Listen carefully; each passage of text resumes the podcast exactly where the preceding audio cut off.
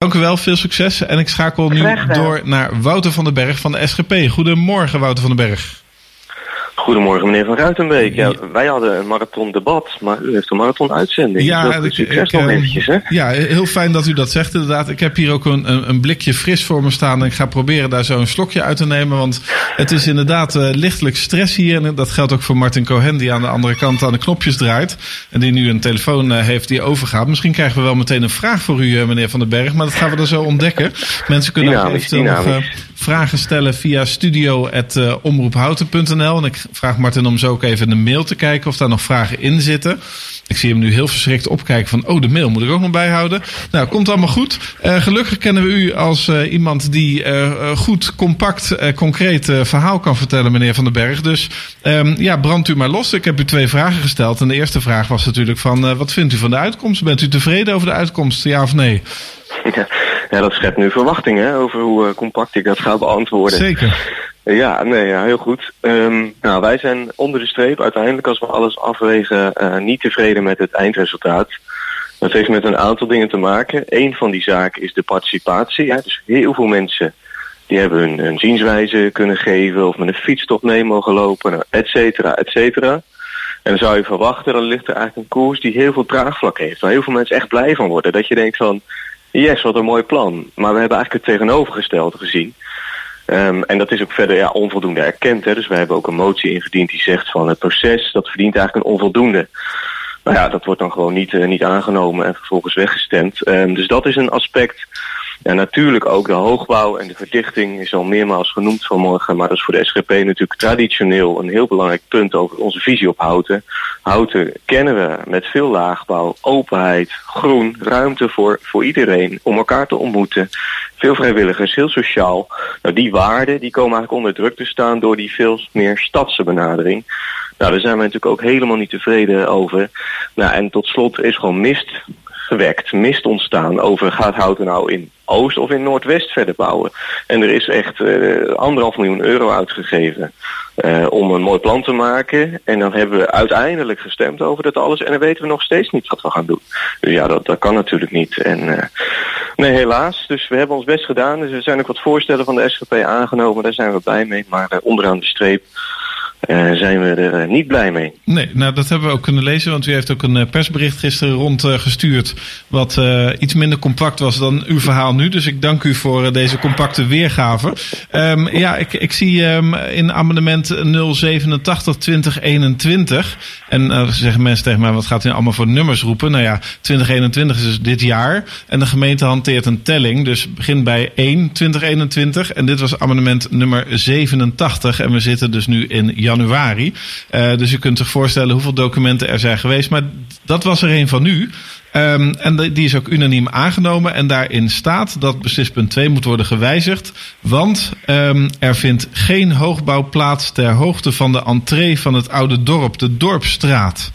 En uh, dat heeft u ingediend. En toen dacht ik bij mezelf van nou, uh, um, is, is dat alles? Nee, dat was natuurlijk zeker niet alles. Dus als u al onze voorstellen heeft gezien en ook onze inbreng heeft gehoord, dan hoort u natuurlijk echt een, een integrale visie. Maar je kijkt natuurlijk ook heel concreet van ja, wat kunnen we verder nog doen? Hè? En als je dan ziet dat um, als je bij de Dorpstraat, de oude, hè, het, het gebied van het oude dorp inkomt, nou, daar staat onder andere het gebouw waar Viveste nu in zit. Um, en daar is dan zone 3 voorzien. Het ging net al even over de zones. Nou, die gaan over hoe hoog kan het hier worden. Daar gaan die zones over. En het kan dus tot 10 hoog worden. Dus dan kom je het oude dorp in, hè, met al zijn karakter en charme. En in het begin zou je dan gelijk tegen zo'n woontoren aan, uh, aanrijden.